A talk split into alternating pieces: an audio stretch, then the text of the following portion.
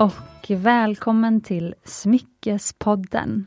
Det här är podden där vi pratar om äkta smycken och ädelstenar på ett enkelt sätt och bryter normer som präglat en annars ganska strikt bransch. Och idag så kommer vi även prata om oäkta smycken. Ni kanske har hört ordet bijouterier. Jag har med mig en väldigt spännande gäst som jag har längtat efter att ha här i studion. Hon har rest ända från Skåne, så det är verkligen fin besök här i poddstudion. Och hon heter Lina. Och hon är en tjej som jag har följt länge, både via hennes blogg och via hennes Instagram. Och hon har faktiskt startat ett eget smyckesmärke bland annat. Och den storyn om hur hon startade sitt smyckesmärke, den var faktiskt inte helt olik hur jag startade mitt märke. Så jag tror att jag hade en viss igenkänning där och det kan nog vara bland annat därför som jag liksom följde henne och har gjort så länge. Men jag tänkte att vi ska prata om allt det här i det här avsnittet, så jag vill inte avslöja för mycket nu. Så jag säger välkommen Lina Andersson! Tack så jättemycket! Tack! Första gången poddande för dig. Yep. Och du är ju ändå en jättemedietjej. Ja men det... precis. Fast jag jobbar ju som jag sa innan med eh, andras eh, medier mer än mina egna. Det är sant, även mm. om du har haft en väldigt stabil blogg i jättemånga år. Ja men det stämmer i och för sig, exakt. Det, exakt. Jag både bloggar och eh, ja, driver mitt Instagramkonto men inte i ett business-syfte. Men är det business alls? För du har ju ändå ganska många både följare och jag kan tänka mig läsare på bloggen efter så många år. Precis, jag, menar där, jag utvärderar och tänker igenom de grejerna hela tiden. Hur det kommer sig att jag gör det. Man kan säga så här, att jag menar när jag startade blogga, eh, då fanns det inte en yrkestitel som hette influencer. Då gjorde man det för att man tyckte det var kul, man skapade kontaktnät av massa olika anledningar. Man nådde ut till folk på ett inspirerande sätt. Sen har det ju tillkommit en, eh, en yrkestitel kring eh, hela bloggandet och instagrammandet som också kanske förvirrat mig som gör det av bara ett rent liksom hobby. Så man undrar, kan man, kan man fortsätta göra det som hobby även om det faktiskt är en yrkeskategori idag? Och ja, men det kan man ju, herregud. Man kan ju, man kan ju älska sin trädgård utan att vara trädgårdsmästare. Eller Exakt. Så jag menar, varför skulle man då inte kunna älska blogga och, utan att behöva försörja sig på den? Men det är ju jättefint tänkt faktiskt och det är en fråga som jag inte hade skrivit upp att jag ville eh, fråga dig. Men nu kom jag på att jag måste fråga dig, hur kommer det sig att du började blogga? Och när började du blogga? Jag började, det hänger ihop med Litt kalla blick. Ah, okay. ja. Nej, men jag började blogga för att jag skulle flytta till Turkiet. Eh, jag skulle ta tjänstledigt eh, för mitt jobb. Hur gammal var du då? Alltså, då var jag 30. Och jag är nu 43. Okej, okay, wow! 31, 30, ja där. Nej men eh, jag träffade, ska jag bara dra den historien? Ska jag bara riva av den?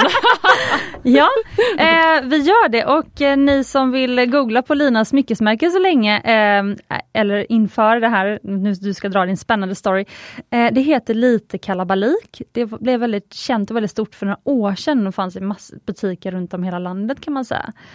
Eh, och sen så din blogg finns på Femina. Femina, okej. Okay. Mm. så då hittar man dig på Lina Andersson på femina.se då? Inte? Exakt. Ja. Mm. Okej, okay, då kan du köra. Nej, men, eh, jag skulle fira min 30-årsdag. Eh, rejält tänkte jag. Så jag åker till Ibiza för att fira in den där. Åh, oh, det är mitt så drömställe. Jag älskar Ibiza. Ja, men alltså, jag vill dit, nu, nu var det så många år sedan jag var där. Jag vill dit igen. Fastän du är bohemtjej, håller på att säga. För, för vissa, mm. jag anser ju mig själv vara bohemtjej och då, vissa kan inte se det ihop med Ibiza. Alltså. Fast det, det är ju det det kommer ur. Alltså hela Precis. Ibiza är ju byggt på äh, människor som bara vill ha det härligt. Äh, alltså det är inte den, sen är festkulturen är en grej och den lyxen som har tillkommit att det blir så himla dyrt att åka dit också. För man kan ju åka på helt fantastiska hippiemarknader och ja men det är så fint där. Men jag åkte dit, jag firade min 30-årsdag. Eh, det och, gjorde jag eh, också på Ibiza. Det var första gången jag var där var när jag fyllde 30. Är det sant? Ja. Var det så för dig med? Ja. Aha, wow! Men där träffade jag i alla fall en man som jag blev blixtförälskad i på ett dansgolv på en nattklubb. Eh, och eh, det visade sig att han kommer från eh, Istanbul. Eh, och vi, nej men alltså vi blev verkligen blixtförälskade och inledde där och då en relation Som sen... jag får rysningar här. Ja, som sen utmynnade i, ja men det var ett års distansrelation innan jag flyttade till Istanbul. Eh, och eh, nu kommer jag inte, vad, vad, var din fråga från början? Varför ska jag berätta den nu? Nej men eh, det vet jag inte men eh, nu vill vi höra din story ja. om hur du startade, precis. Nej, din blogg vad handlar det om. Ja, hur och du kom med att, att jag skulle, blogg. Precis, i och med att jag skulle flytta till Istanbul så eh, ville man hålla kontakt med sina nära och kära. Och bloggen var ändå ganska ny i sin linda, det får man ju säga. Detta är ju, om detta är då, vad kan det vara, 12 år sedan, eller vad det kan bli. Mm.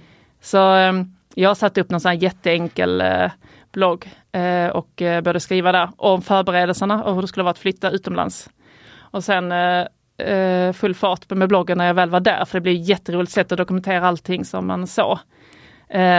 Alltså Istanbul är ju en magisk stad och man ville dela med sig av varenda del av den. Den var så oerhört inspirerande och kreativ stad. Eh, och då var ju bloggen helt perfekt forum att göra det.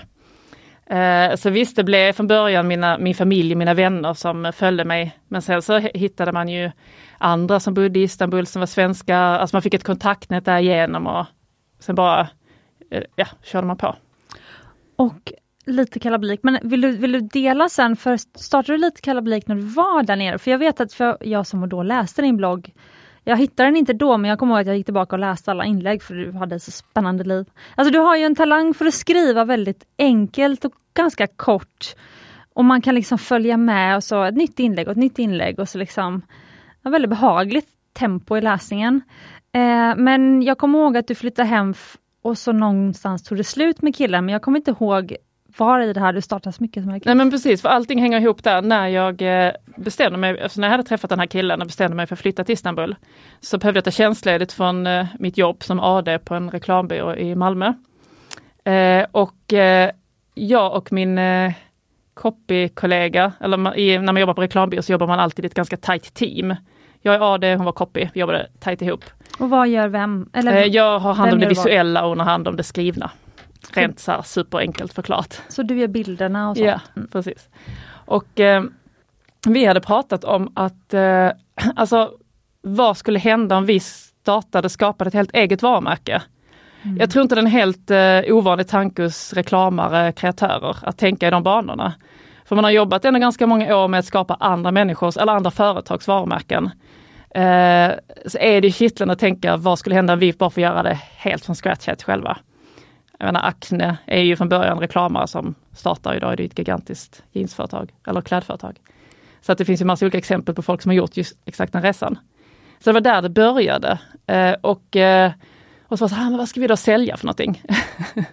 och eh, i och med att det, det, det sammanföll med att jag skulle flytta till Turkiet, så kändes det ganska naturligt att eh, det skulle vara ja, men inredning eller liknande från Turkiet. Eh, nu är ju detta då mer än tio år sedan och Turkiet, eh, eh det har hänt väldigt mycket politiskt i Turkiet de senaste tio åren. Det känns som det hade en mer uppsving på ett mer positivt sätt då. Eller vi, vi tangerade precis det uppsvinget. Eh, med att det var kulturhuvudstad och det fanns ett eh, fokus på Istanbul som stad att resa till. Man, man hade redan rest till London och Paris och eh, eh, andra liknande städer. Nu ville man till någon annanstans och Istanbul var ju perfekt storstad. Eh, ändå nära att resa till. Ehm, så att eh, vi började tänka i inredningsbanor, men insåg sen att det var ganska mycket jobb och eh, stor, stor grej att eh, frakta hem mattor och liknande. Och någonstans där när jag går Istanbuls gator upp och ner och lär känna min nya stad, så ser jag ett armband i ett skyltfönster som har ett tyg, liksom själva armbandet är av tyg och så sedan en stor sten och sen så hängde en massa tofsar grejer på det eh, som såg väldigt intressant ut, som jag verkligen fastnade för. Så jag eh, tog en bild på detta och sen visade jag Malin det. Jag bara, ska vi inte göra accessoarer istället? Eller smycken från eh, Turkiet. Och hon blev helt såld på det här armbandet när jag visade. Mm. Det var liksom ingenting vi hade sett innan, det, var, det kändes som något väldigt nytt. Eh, så då började jag bara forska kring, liksom, vad är detta för något och vad kan jag hitta mer om det? Och förstod, att, förstod det som att det var ett armband som eh, man sitter hemma och gör. Kanske, nu, alltså Turkiet är väldigt eh, men är det att det är svårt för kvinnor att få jobb? Är det någon som, som ja, men det sitter kanske hemma det, och jobbar? Precis, om det är det eller att det bara är men vad, egentligen exakt vad det handlar vet jag inte men det är i alla fall en, en eh, eh, hemmapysselgrej. Så här, Att man sitter och liksom fixar, gör de här smyckena. Som jag förstod det, det, det kan vara helt fel. Men, eh, men jag hittade i alla fall när jag bläddrade i en, eh, en tidning, eh, Du beskriver väldigt målande, jag är helt inne i det här nu. Och jag alltså ni kan fram- få klippa för det här drar ut på tiden. Nej, kör på! Nej, men jag hittade en tidning, eller bläddrade i en tidning i, när jag bodde i Istanbul, som hade eh, så här, in, nya inneställen och liknande, restauranger och så vidare. Och då kom jag till ett uppslag där det bara, det liksom var fyllt med stenar och band och det såg bara så sjukt härligt ut. Jag fattar inte riktigt, jag hade lite svårt för att lära mig turkiska. Eh, jag frågade då min kille, vad är detta, vi måste dit. För jag förstod det som att det här är en jättestor affär, man kan köpa all, allt som ser härligt ut. Ta mig dit och där hittade jag ju alla delar man behövde till det här armbandet. Ah, och även folk att fråga hur gör man det och de var jättegulliga, berättade gärna hur man tvinnade det här tyget och sen satte på den här stenen och sen skulle man ha den delen och den delen. Så det var liksom en turkisk teknik att göra de här armbanden med en stor ädelsten eller halvädelsten och sen då ett tvinnat sidentyg till. Och sen kunde man piffa på dem mycket man ville med små tofsar och grejer. De, de gillar gärna när det liksom är lite over the top. Så härligt. Eh, Så då köpte jag massa delar eh, och eh, gjorde liksom min första kollektion i min lilla lägenhet i Istanbul. Ja, du gjorde den själv? Mm. Men det var ju tvunget att göra första så här, bara för att få en känsla för det. Och, Gud, vad kul. Ja, och tog med det hem då och Malin var helt såld. Hon bara, det här, det här måste vi, det är det, vi, det här vi ska göra. För att nu efter det så har det ju kommit en del, alltså de här stora liksom stenarna, eller Caroline Svedbom som gör Swarovski och även Gyn, Carolina Gynning gör lite samma typ sådär. Ja. Alltså, jag, jag, de är ju så här bling-bling och ni är ju lite mer sådär bohemskt och kanske lite mer drömskt liksom. Eh, men fanns, fanns de här märkena då? För jag ser ju liksom kanske er tre och även det här Lilly eller vad det heter, Lilly and Drop eller vad heter de? De som har bröllopsklänningar också. Eh, I alla fall, de har också, fast det är Swarovski då. Men fanns det liksom svenska smyckesmärken med stora liksom då halvädelstenar eller liksom billiga ädelstenar då? Nej det fanns ju inte. Eh, inte, inte alltså kanske något så, men det var verkligen ingenting som slagit igenom. Vad- Så att valet att vi bara bestämde oss för att gå på eh, inspirationskälla Turkiet i sig var väl lite så här udda. Eh, ingenting man kanske refererar till god design eller så. Eh, men så här, om man ska återknyta till varför vi ändå från början tänkte starta, att vi ville skapa ett eget varumärke. Så det var här vi hittade, okej nu har vi varan, vad ska vi heta? Eh, och eh, lite kalabalik, eller så här, kalabalik var ordet som bara var helt självklart för att vi var båda två överens om och framförallt jag som då har bott i, eller bodde i Istanbul och eh, jämför den kulturen med den jag kommer från. Så är det ju sån oerhörd skillnad i vårt strama, raka, svala skandinaviska där all, alla har samma färg på köken, allting är, ser likadant ut och det är liksom mega inboxat och smått ängsligt. I Istanbul var det ju kaos på alla nivåer. Och den, eh, det kaoset, det ville vi fånga in i det här vi håller på att skapa. Och när jag fick reda på att eh, kalabalik det är ett turkiskt ord, eh, kalabaluk eller hur man uttalar det, jag kan inte. Som betyder samma sak? Som betyder samma sak. Det är ett kaos. Man hör taxichaufförer säga tjocka labaluk, som är så här jättemycket kalabalik. eh, och eh, det, är, alltså det är helt fantastiskt och det kom till Sverige med Karl XII. Kalabaliken i bänder är så här känt historiskt begrepp, man kan googla på om man vill. Eh, Plötsligt känner jag att ni har ett jättebra varumärkesnamn. ja, det är väldigt, väldigt bra. Eh, som sagt, vi jobbar med varumärken, det är det som är grejen. Det blev bara lite kalabalik, inte ja, full nej, men det var kalabalik. det när vi då började med att eh, så, ah, vi ska äta kalabalik. Eh, så var det redan registrerat. Så var man inne i den, liksom, att försöka hitta hur kan vi då vad heta för att vi ska få det godkänt. Och då provade med lite kalabalik. Men vi fick ändå inte det godkänt.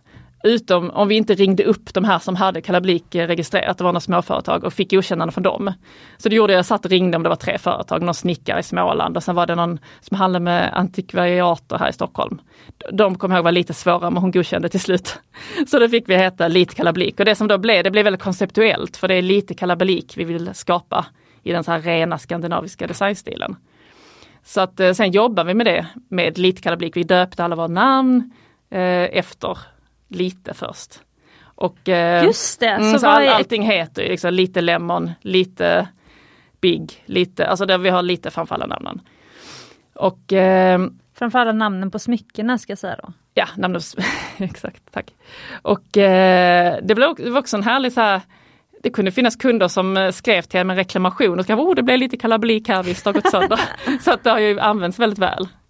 Okej men så härligt, men det här är ju väldigt kul för att eh, många som lyssnar på Smyckespodden är ju antingen intresserade av eh, liksom kanske men varumärken och sånt. Eh, eller att man faktiskt jobbar själv med kanske ett smyckesvarumärke eller en guldsmed eller sådär. Eh, men det som är int lite intressant är att i guldsmedsbranschen då då är ju en av de stora liksom, frågorna hela tiden, hur ska man liksom Alltså hur ska man inte bli liksom överkörd av alla stora liksom varumärkesföretag som så här, har en jättestor marknadsavdelning och så vidare. Alltså hur ska man liksom bygga sitt varumärke? Eh, har, har, och, och, ni har ju verkligen jobbat med det. Eh, och ni blev ju väldigt kända, ni var med alla tidningar, eh, liksom lyckades verkligen nå ut till alla butiker. Dels var det ett lite annat landskap då, så ja. nu kanske inte målet är att finnas i massa butiker längre.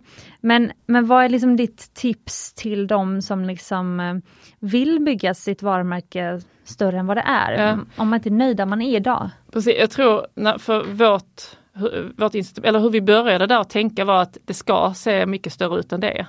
Alltså vi tänkte verkligen stort i allt vi gjorde. Alltså företaget ska verka Allt mer... utåt, ja. så att alla bilder vi tog fram, allt bildmaterial. Och nu hade vi fördelen i och med att vi kommer från eh, marknadsföringshållet, att vi jobbar på reklambyrå. Då har man ju någon vän man känner som är fotograf som kan ta fantastiska bilder. Eh, så tack vare det så kunde man också bygga upp en sajt, allting som kändes väldigt mycket, väldigt stort på ett helt annat sätt. Än om vi inte hade haft de kontakterna, för det kostar ju att anlita en fotograf. Nu hade vi fördelen där. Och, och, och, vad gör det då att få någonting att verka, när du säger större, är det, betyder det då genast tro, tro, mer trovärdigt? Men jag tror, alltså, eh, utifrån där vi var då, eh, att vi kunde lansera en sajt med väldigt bra bildmaterial. Vi, nu var ju in, det här är också, det är ju länge sedan, Instagram var ju i sin linda. All, alla såg allt som lades ut. Eh, och eh, där fick vi ett jättegenomslag. Det, får, det är svårt att få idag, det går ju absolut, men det kräver ju mycket mer. Jo men jag kan ju avslöja att vi på Mumbai har ju fått ändra, alltså för nu får, har man lika många nya följare som avföljningar får man ju på ett inlägg i princip, i alla fall som varumärke. Eh, nu säger jag man, men vi då. Eh, så vi måste ju sponsra inlägg med en viss summa per vecka för att få positivt följarutveckling. Eh, Precis. Eh, och vi har provat allt. Alltså då kan man prova samarbete med giveaways eller vad som helst men alltså det är, eller bara lägga ut, vet, så optimera de här liksom bilderna och texterna man lägger ut. Och, men man måste liksom sponsra för att jag tror att de har gjort det nu i sin liksom ja. kalkyl på Facebook. Ja men liksom att man man kan inte växa om man inte lägger pengar på det. Nej, nej men det är så tydligt. Ja. Absolut, och så var det inte när vi startade. Eh, men eh, om man ska återgå till själva eh, hur vi tänkte så var det, ja. vi, vi, vill kännas som ett eh, större varumärke än vi är. Och då la vi verkligen krut på att det skulle kännas konceptuellt, eh, genomarbetat, det skulle vara fina bilder. Eh, och vi hade, vi kände lite, vi hade bra kontakter också som bloggade som vi kunde här, ge ett armband till som de skrev om. Men då var det också ett enormt genomslag när eh, tant Johanna hette hon då, heter hon inte Johanna Bradford hette hon eh, la upp ett armband. Alltså det var ju sånt genomslag så att det var helt bisarrt. Varenda butik ville plötsligt sälja ens armband och hörde av sig. Oh, så wow. att vi fick ju, vi var så tydligt eh, genombrott. Eh, och sen eh, tror jag att varför vi fick så mycket press var nog också att vi hade en sån tydlig linje. Vi, vi drev vår linje, vi såg inte ut som någonting annat. Vi var inspirerade av Mellanöstern. Det var ingen annan som var det. Ingen annan jobbade med Turkiet som liksom inspirationskälla eller Istanbul. Eh, så att med den tydliga eh, orientaliska känslan i allting, för alla bilder, allting vi gjorde då genomsyrade detta. Eh, och att vi, vi hade vårt tydliga konceptuella budskap. Vi vill skapa lite kalabalik i det här rena. Och sen så lyckades vi träffa en trend också som blev väldigt, det var mycket armband på handleden. Och eh, ja, vi träffade nog rätt in i den tror jag. Så att olika faktorer där gjorde att vi stack ut och det är också väldigt, vi har ju stora smycken så det är tacksamt att styla med i modereportage i tidningen. Har du ett armband så syns det ju. Eh, det gör inte tunnare fint armband på samma sätt. Så därför så kom vi med i så himla många modereportage också i alla stora tidningar. Och vem är, var eller är er typiska kund? Ja alltså då, eh, nu är den, har jag inte, kan inte svara på det lika tydligt som jag kunde då för några år sedan, var den eh, jag kallade Odd Molly-kvinnan. Aha, okej. Okay. Mm, det var, där hade vi Finns hon kvar idag höll på att? Ja precis, finns hon det? Nej, nu, är, nu verkar det vara ganska unga tjejer som gör reklam för Odd Molly mest. Så ja, de verkar de, väl göra en mm, rebranding. Men. Precis, uh, för uh, det, det var de butikerna som vi fick som återförsäljare som sålde den här lite mer, uh, ja, de kallar sig väl lite så här är lite tofsar på någon kofta och en viss ton i färgen. Alla de butikerna såldes så bra med lite kalla blick. Så att vi hade den typen, men sen har vi också, vi har haft ganska brett. Det har varit allt från liksom unga tjejer till eh, kvinnor i egen ålder, alltså varit väldigt brett genom åren. Men jag tror att eh, en, ändå en ganska typisk lite Kalla Blick-kund är en tjej som ja, men hon, är, hon är inte så modeintresserad, men hon bryr sig ändå lite om vad hon har på sig. Men är ändå så enkel stil i jeans och något liksom enklare stil. Men tycker det är lite kul att kunna sätta på sig en stor ring eller ett armband eller så, ett stort halsband. Där nyr hon sig. Det är inte som jag som kan tycka om att ta färg från topp till tå och bara mixa mönster. Jag har filmat, ni får kolla på Instagram sen när avsnittet ligger ute. Eh, det är inte den, jag tror inte så som jag ser ut är den klassiska kunden som det ser ut nu. Utan det är lite mer det här, man adderar det till sin för övrigt ganska så basic eh, stil. Men berätta, för landskapet har ju ändrats lite grann nu. Ditt och Malins mål, jag hoppas jag, jag redan glömt bort vad jag sa i början, men jag hoppas jag sa att du är AD och delägare i en reklambyrå. Ja men eventuellt eh, nämnde jag, jag det i förbifarten i alla fall när jag berättade om varför jag började blogga, att jag flyttade till Turkiet. För då jobbade jag och Malin ihop. Ja, mm. så det är medgrundaren på Lite kalabalik. Mm. Och idag 12 år senare så är ju ni delägare i Garbergs Malmö som är en, var en, eller är en väldigt känd byr, reklambyrå i Stockholm och sen så när det ja, för några år sedan då skulle komma till eh, Malmö, då blir ni tillfrågade att bli delägare. Precis. Så nu är Malin VD och du är HR-ansvarig. ja precis, men jag är ju delägare. Ja. Ja, men så att, eh, vi driver Malmökontoret. Ja precis. Mm. Um, ja, vi pratade lite om det förut och då sa du att det var dig, äh, dig de anställda kom till när de ville ha en ny mobil. Ja, ja, ja. så. uh, så att hur, hur har det då förändrats? För då, ni ville ju bli det här jättestora varumärket. Vad hände sen då? Ja, men vi, vi fick, jag vet att jag höll en föreläsning för något eh, kvinnligt nätverk eh, för många år sedan där jag så här summerade resan. Och du vet när man summerar resan själv blir man, kan man bli helt så här, wow, vad vi ändå åstadkom. Mm. För det blev en extrem eh, eh, start. Och jag tror som sagt det har mycket att göra med att vi vågar gå all in på en helt egen linje. Att vi helt oängsligt brydde oss inte alls om vad som var trendigt just då. Utan vi körde vårt race och skapade det här varumärket som vi så gärna ville skapa. Så att jag utgick ju väldigt mycket från varumärket men sen såklart eftersom att jag, jag jobbar som art director, jag är oerhört visuellt intresserad så följde designen med där i det. Men det var stort och skulle ta för sig. Eh, och då ehm, eh, ja, som jag sa innan, det, det blev ett lätt smycke att styla i modereportage. Eh, vi fick eh, kompisar som bloggade att skriva om det. Eh, och, eh, och det var inte ens att vi behövde be, många var väldigt engagerade också i att vi startade, tyckte det var roligt. Eh, och eh, vi fick även väldigt så bra kändisplaceringar, alltså många kända människor som eh, använde. Och det var bara för att vi, vi jobbade verkligen med alla kontakter vi hade. Eh, så här, min eh, kollega då, Malins man, han har jobbat mycket med Stockholm Open innan. Då hade han en kontakt in där som lyckades få någon av de här tennisspelarnas fruar att få ett armband som hon satt med sen när hon kollade på honom när han spelade och vann. Alltså vi hade massa sådana väldigt lyckosamma träffar. Eh, och det gjorde också att hypen bara växte. Eh, och eh, jag måste bara dra ett roligt exempel också kring hela konceptet i ett kalablik som jag sa innan att till och med kunder använder det som att eh, det blev visst lite kalablik här när de får en reklamation. Så, gud nu tappade jag hennes namn bara för det, eh, höjdhopperskan. Kajsa Bergqvist? Nej, den andra. Emma Gren. Emma Gren. Emma Gren. Hon är väldigt modeintresserad. Ja, ja, och Emma köpte ett armband i en butik i Göteborg som hon använde jättemycket. Och när hon åkte på, var det OS då, i Ryssland, när det blev en väldigt, alltså väldigt uppmärksammat kring eh, homosexualitet inte är tillåtet i Ryssland. Detta är ju, vad kan det vara? Är detta så sju år sedan? Jag är så himla dålig på den. Jag vågar inte bekräfta. Men, ja. men eh, det var en stor diskussion, stor fråga i alla fall. Och eh, hon målade sina naglar i regnbågens färger när hon tävlade. det blev väldigt medialt, stor uppmärksamhet och också väldigt kritiserat av många andra ryska kollegor till henne. Så. Sjukt. Eh, sjukt. Men det var ju, det är helt fantastiskt att hon gjorde detta och eh, enormt eh, stöd och uppmärksamhet från Sverige. Och när hon då kommer hem på Arlanda och blir, står i pressen och väntar på henne och när hon står där och blir intervjuad så står hon och det blåser, hon får liksom plocka bort håret från ansiktet hela tiden och har ett litet kalablikarmband på sig som syns jättetydligt. Och sen även att, ja och då vi tar en bild som vi twittrar det blev visst lite kalabalik eller det blev någonting i det som hon svarar på och använder Oj. också som företagsnamnet i att hon skapade lite kalabalik i och med den här regnbågsmålningen på sina naglar.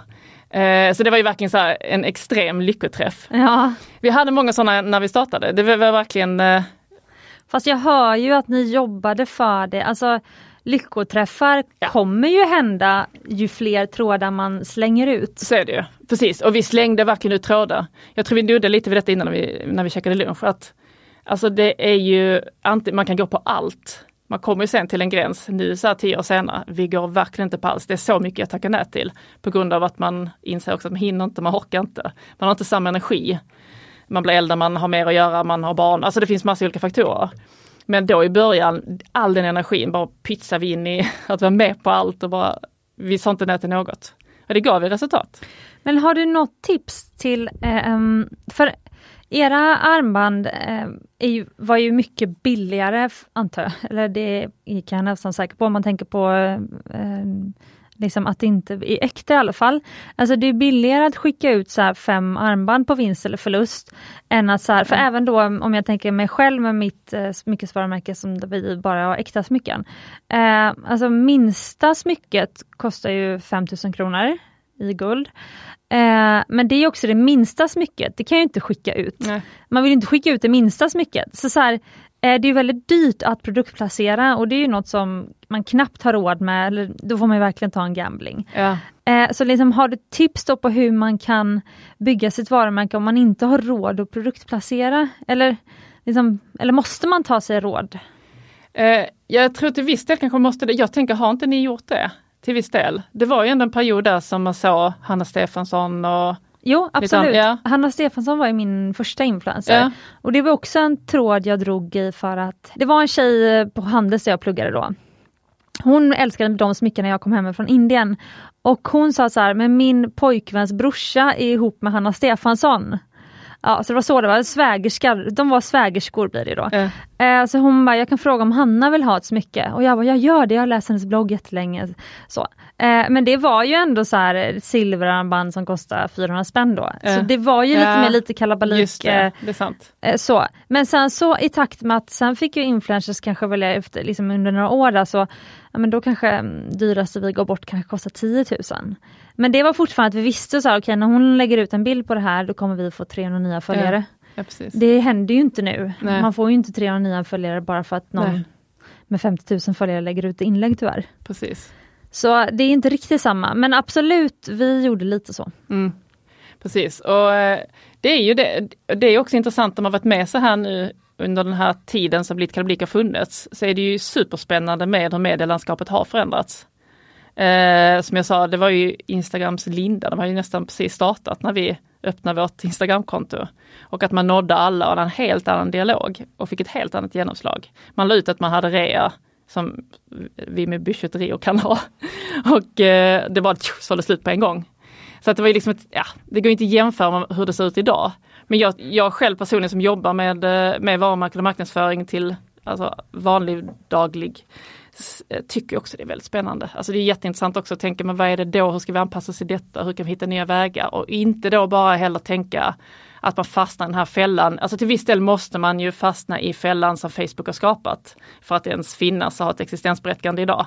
Men jag tycker också man måste försöka tänka utanför det, vad man själv kan göra för att inte bara vara där i deras klor av algoritmer och Ja men det här vill jag jättegärna gå in på. Eh, för att vilka varumärken jobbar du med på Garbergs nu till exempel? Eller har du jobb, vilka har varit som du jobbat med mycket? Eh, jag jobbar väldigt mycket med mat, så jag jobbar med Skånemarias eh, ostdel. Ah, mm, okay. Så att det, det är så president Brie, alltså president, ett franskt eh, ostvarumärke, Galbani, italienskt och Allerum, svenskt. De tre jobbar väldigt mycket med. Okej, okay. mm. och så har du jobbat med kung Markatta? Ja, precis. Ja. ja. Så det är ju, det är väl lite såhär veg, vego, vegansk... Ja, ekologiskt eko, eh, livsmedel. Ja. Så de två, de här Skånemejeri som är väldigt alldagligt, eller och Kung Markatta är väl lite mer nischat? Eh, ja, nu jobbar vi med osten på Skånemejerier som, och Allerums med deras premium varumärke. Ja, okej. Okay. Okej, men vi kör på det då. Men Mm. hur jobbar du då med dem? Alltså hur skapar du intresse kring något så alldagligt, får man väl ändå säga, som en ost? Ja, Nej, men alltså det, är ju, det grundar sig ju tillbaka till eh, det som jag sa där från början, att skapa ett varumärke. Nu har ju de, eh, de är ägda av eh, ett franskt mejeri, Lactalis. Det finns ju oerhört tydliga strategier oftast hur, vad, hur man ska göra för att nu, eller vem de är, vad det är för varumärke som man ska jobba efter. Eh, vad är det som ska förmedlas i kommunikationen? Eh, men om man tar Allerum som exempel, ett varumärke som vi just nu är inne på en resa där det har tagits fram eh, ny strategi för hur vi ska jobba framåt. Eh, det, nu kan jag inte gå in på detalj för det är sekretess än så länge, men det är ju ett helt fantastiskt superroligt jobb. Där man ska hitta positioner på marknaden. Det finns alla de här ostvarumärkena. Eh, vilken position är ledig för oss att ta? Alltså den här klassiska kartan om man säger, som man kan rita upp. Där man ser att eh, här har vi Arla som är väldigt eh, familjär och härlig.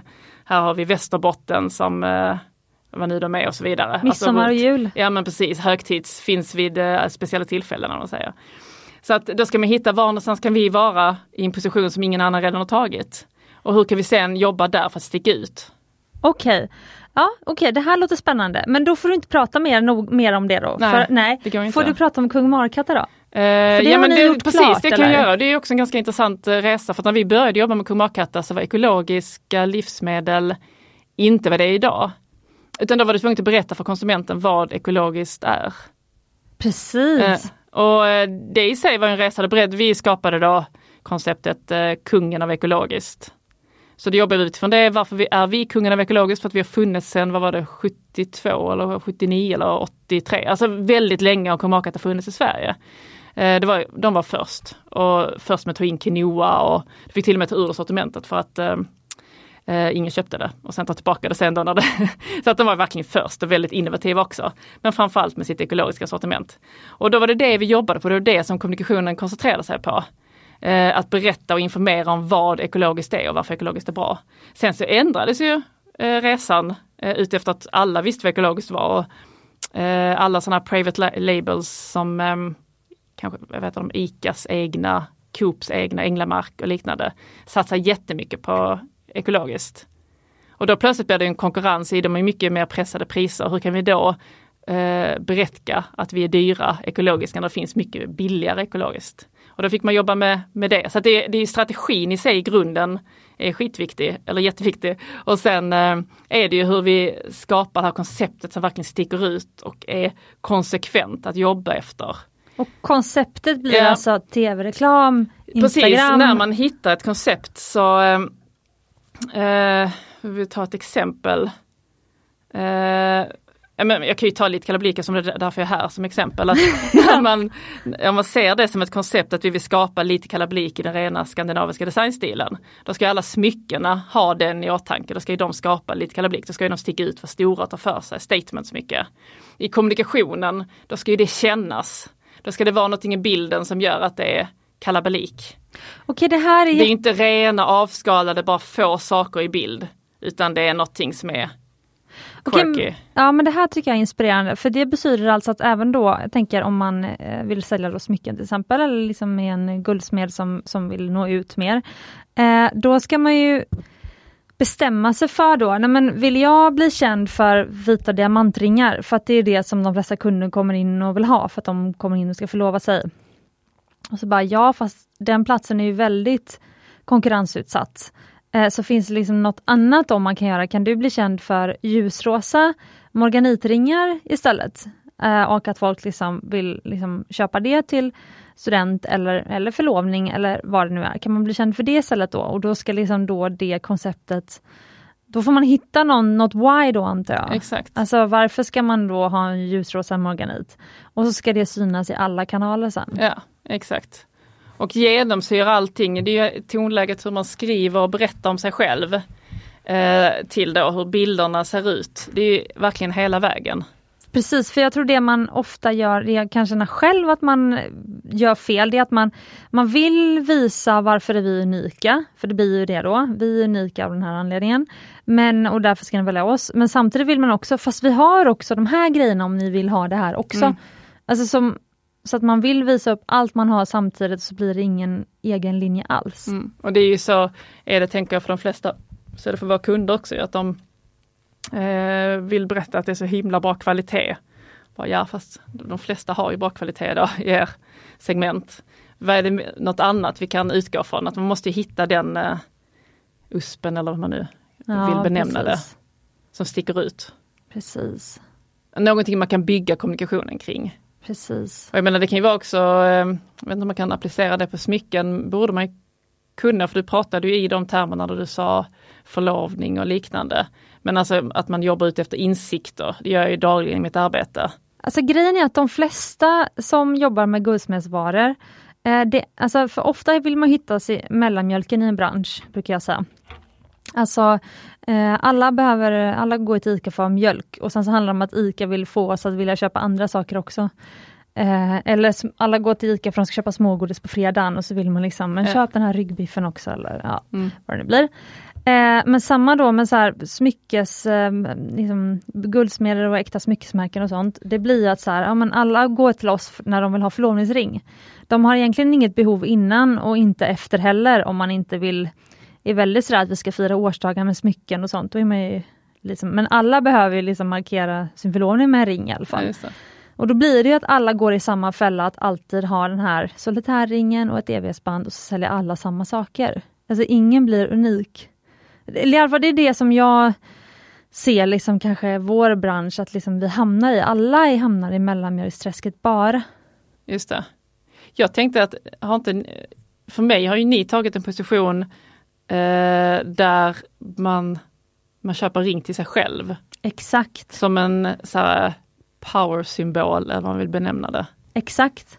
Det var ju, alltså jag var ju singel, alltså det tog ju slut med min kille precis när jag startade Mumbai. Kanske var som det gjorde för dig Ja. med. Ja, Eh. exakt, för den kom jag aldrig till, för det gjorde du ju. Ja det tog slut med Det din tog kille. slut med Ja. mannen i Istanbul. Ja. Men då hade du startat lite kalabalik? Ja. Mm. Eh, nej men det tog slut med min kille två månader efter jag startade Mumbai i princip. Eh, och sen var jag ju singel i sex år och jag tyckte, alltså i takt med att Mumbai växte och alltså jag har ju, jag blev ju lycklig, jag har aldrig varit så liksom lycklig i livet, alltså, jag tycker att man blir lyckligare och lyckligare för varje år. Men det var verkligen så här, jag bara gud vad kul det är att vara vuxen, vad kul det är att så här, ha drivas det, ha sitt eget jobb. Eh, liksom, eh, och jag tyckte att så här, en man, det har ju bara förstört mitt liv tidigare. Eh, så här, varför ska jag förstöra den lycka jag uppnått genom att här, ta in någon som kan påverka den? Mm. Eh, och jag, den här, är det oxytocin eller vad är, det, vad är det för hormon man får när man är kär? Det får man ju typ av att ha ett märke också. Och att jobba och så får man en försäljning, de här kickarna. Ja. Så det var nästan inte som att jag behövde det från en, en man heller liksom. Blir väldigt privat här. Men det är roligt, för bara inflika som parentes, Ja. Malin, min kollega sa, alltså jag tror aldrig att företag hade blivit så stort Lina om det inte var för att du var singel. Nej, men, precis, nej. Ja. Så det kan vara en ingrediens att rekommendera då. Ja. Eh, Men sen så var det väl också att så här, man, ja, man, vi har ju, det är väldigt personligt att köpa smycken. Så man får ju höra väldigt mycket stories. Och vi kan höra de mest horribla storiesarna om relationer som har gått i kras av olika anledningar och där bara så här, kvinnorna kan istället komma till oss för att de vill göra en powering till sig själva. Och jag har ju alltid burit ringar på alla fingrar, alltså sen jag startade Mumbai i alla fall. Eh, och så här, struntar i om det är på vänster ringfinger eller inte. Liksom. Alltså, så jag var bara så här, varför ska smycken ha någonting med män att göra? För att man är kvinna. Alltså, ja, så otroligt fregat, jag behöver inte ens gå in på det mer. Men Nej, men jag tycker ändå det är ytterst relevant. Och där är också, om vi ska tänka företagsmässigt, så är det ju, då öppnar det upp för en ny typ av anledning till att köpa ett smycke. ja, ja, Som ja. inte är det klassiska, att du köper till dig själv. exakt. Eh, så det blev ju en sån här verkligen stark eh, grej. Sen inser man ju att... Gjorde inte Isabella Löwengrip det då för er? Jo, det gjorde Ja. hon. Just det, exakt. Efter skilsmässan? Ja, efter sin skilsmässa, Mm. exakt. Och det henne, alltså det, hon sålde ju ringar flera år efter det åt oss höll jag på att säga. Eller det var verkligen så här, ah, jag kommer ihåg Isabellas ring, Ja. kunde ju folk säga liksom. Eh, vilket förvånade mig liksom. men eh, nej men eh, absolut, alltså vi, alltså, och Mumbai har ju slagit igenom dels på det kanske men också på färg. Jag blev ju dödskär i alla färgädelstenar. Eh, mycket mer än vad jag blev i diamanter. Jag har nog blivit mer kär i diamanter på senare år. Eh, men så, här, så fär, folk kom ju till oss när de ville ha äkta smycken med massa färg. Så det var väl typ de två grejerna Mm. tror jag. Mm. Ja men precis, och det är ju där någon typ av unikitet i det Ja, som gör att man sticker ut. ja exakt. Eh, men berätta, jag hann, kunde inte, jag hann inte ens fråga dig det här i början, men kan inte du berätta vad du har på dig för smycken idag? Mm, ja, men jag har en ring på mig och ringarna är väl våra absoluta storsäljare. Om det började med ett armband med tvinnat tyg eh, och en stor sten så eh, var ringarna det som kom efter och det som idag säljer absolut bäst. Eh, och eh, där har vi ju jobbat med så här infärgade stenar så att det har varit helt liksom knasiga, väldigt glada färger. Till att nu mer har gått över till att använda så här jade till exempel, är- folk älskar det. Våra gröna jadestenar. Det här har jag på mig en gul jadesten är det för att de är dovare i färg? Ja, men jag tror också att jag ville gå mot något eh, Jag tror att det här, eh, i och med att lite kalabalik, det har jag inte riktigt sagt, men det är ett företag som satsades mycket på när vi startade. Sen har kommit lite i skymundan av ett andra företag då, som jag nu mer driver en reklambyrå. Så har ju resan varit lite så här eh, berg och dalbaneaktig. Och jag hade en ambition ett tag att tänka kring att jag skulle bli mycket mer, ehm, eh, jobba mer mot äkta. Renodla materialen och tänka bort från bijouterier. Varför? Eh, ja, det var nog någon tanke kring en, en typ av hållbarhetstänk, tror jag hade. Att det då skulle vara längre, för att vi har ju alltid stridit med de här problemen. Är det en bijouteri så blir det avskalat efter ett tag. Och eh, jag själv har ju inga problem med det avskalade. Eller vad heter det? Av, ja, Avskavda. skada. Precis. Men Medan avskalat? eh, det finns ju kunder som har det, även om de köpt en bijouteri. Så att det är ju en eh, eh, plätering, det vet, alltså det tänker jag, det vet du när du köper det. Men ändå så blir det så här, jag tycker inte om att det, ja jag vet inte. Det, Men det är för att man köper det och är så kär och sen blir man så ledsen när det skavs av Ja. och så blir man besviken. ja, ja men precis, så då, eh, ja det är inte så mycket vi kan göra. Eh, hade vi köpt i nickel hade det hållit, det kan man inte, får man inte, det gör man inte. Så att det är ju som det är med de, de grejerna. Så jag tror att där var det nog en tanke kring att nej men vad skönt det hade varit att göra någonting som bara blir vackrare och inte skavs. Sen har jag inte fullföljt det av tidsskäl liksom. Så nu är det fortfarande bijouterier. Men däremot är stenarna inte längre de här färgglada infärgade. Utan jag försöker hitta stenar som har sina naturliga färger. Ja, det var det du menade. Mm. Okej, ja det är härligt. Eh, för vilka färger var det då som var infärgade? Det var när man ville ha knallrosa och knallorange och sånt. Precis, exakt. En jättegul sten, en jätterosa sten. Okej, det är ju spännande. Ja, den du har på dig nu är jättevacker. Jag har filmat den så den ligger ute på Instagram. Ehm, ja, okej. Och det som kommer med de här stenarna är ju då som man ser den jag har på mig, att det är en stor svart eh, fläck som jag tycker är fantastiskt fin. Eh, men alla blir individuella, eh, vad heter det? Ja, unika. Och det finns ju något väldigt fint i det, att man köper en eh, stor sten på ringen och den är unik. Alla har sina egna skiftningar. Precis, och så har du på dig mer vackra smycken. Ja, jag har ett armband. Är så roligt för nu har jag någon typ av hjärnsläpp så jag kan inte alls komma på vad det heter. Det här eh, tunna med en tunn kedja och en agatesten är eh, lite Brady. Sen jag Brady. Brady. Ja, det den. är ett varumärke. Nej, utan det, den heter då lite Brady den här. Alltså, man det är ert. Ja, detta är lite kalabrik Ja, de var två. jättesnygga. Okej, jag visste inte ens att Ja, ja, eh, nej, men det är det. det var någon ny Jag design. har då. bara, ja precis, men de här är väl, ja, de är från förra året. Okej, den där avlånga, den här orangea, den som var en agat, den eh, Ja. är nog min favorit. Ja, Den var visst, jag, jag älskar den också. Och vi har örhänge och halsband i den också. Mm. Eh, en liten retro-design när jag skapade den här, tar liksom en stav hängandes i halsbandet. Ja, det är 70-tal för Ja, mig. precis. Och eh, sen gjorde jag även eh, två olika längder på örhänge. Så väldigt fint.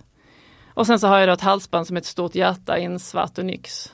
Och Mm, eh, jag älskar det här också. Jag tycker om att ha det med så här, en annan grov kedja till bara, att man mixar upp det med andra halsband. Jättesnyggt. Ja, men okej, så allt det här är då i mässing eller är det Det är guldpläterat? mässing som är pläterat. Precis. Med guld. Och vi har silver också men eh, väldigt lite. För jag gillar guld mest. Men vad betyder smycken för dig? Varför tycker du om smycken så mycket? Mm, eh, alltså jag har ju alltid gjort det, även om det inte var en självklarhet att det var ett smyckesvarumärke vi skulle starta när vi då ville starta ett varumärke. Eh, men smycken har jag alltid använt. Men det har ju varit just bijouterier. För att jag gillar den här eh, enkelheten i att kunna ha många och olika.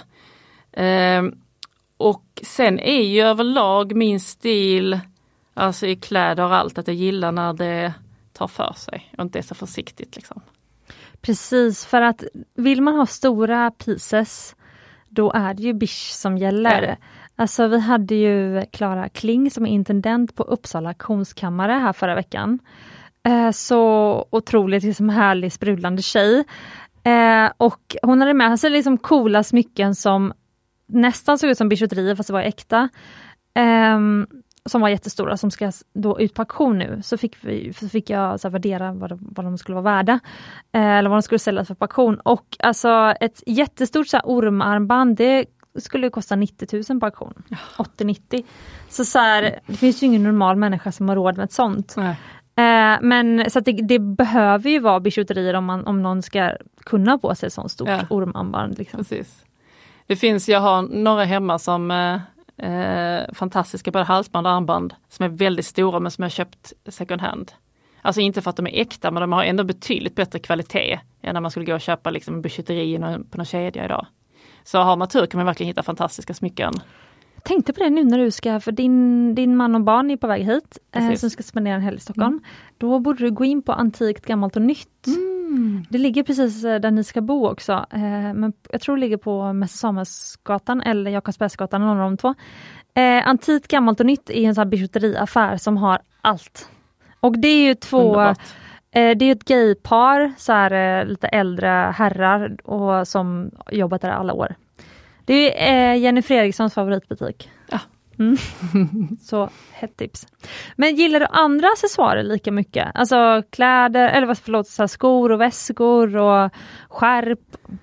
ja men det skulle jag absolut säga att jag. Väskor, skor, ja. För hur ser du då, du är ju väldigt miljömedveten.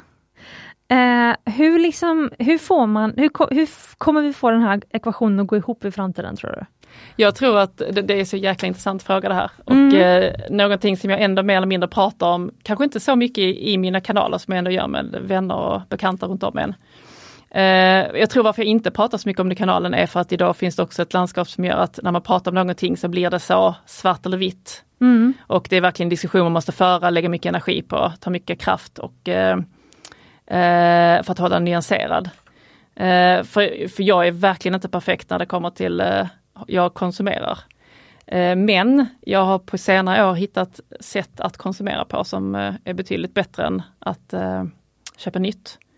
Sen tycker jag ju samtidigt att också gå och köpa massa second hand bygger ju också på att det finns en konsumtion där folk tröttnar och lämnar in. Så det är ju kanske inte det 100% rätt även om det är bättre än att köpa nytt. Så det är en problematik. Jag är uppvuxen i en familj med enorm medvetenhet. Så här helt, alltså det är, alltså mina föräldrar är så fantastiska när det kommer till de här grejerna. Eh, vi har varit så här självhushållande på grönsaker. Oj! Ja jag vet. Och, eh, pappa, Herregud så tidigt! Och pappa är så här mot, ja men det är 70-tals, alltså den här gröna ah. vågen.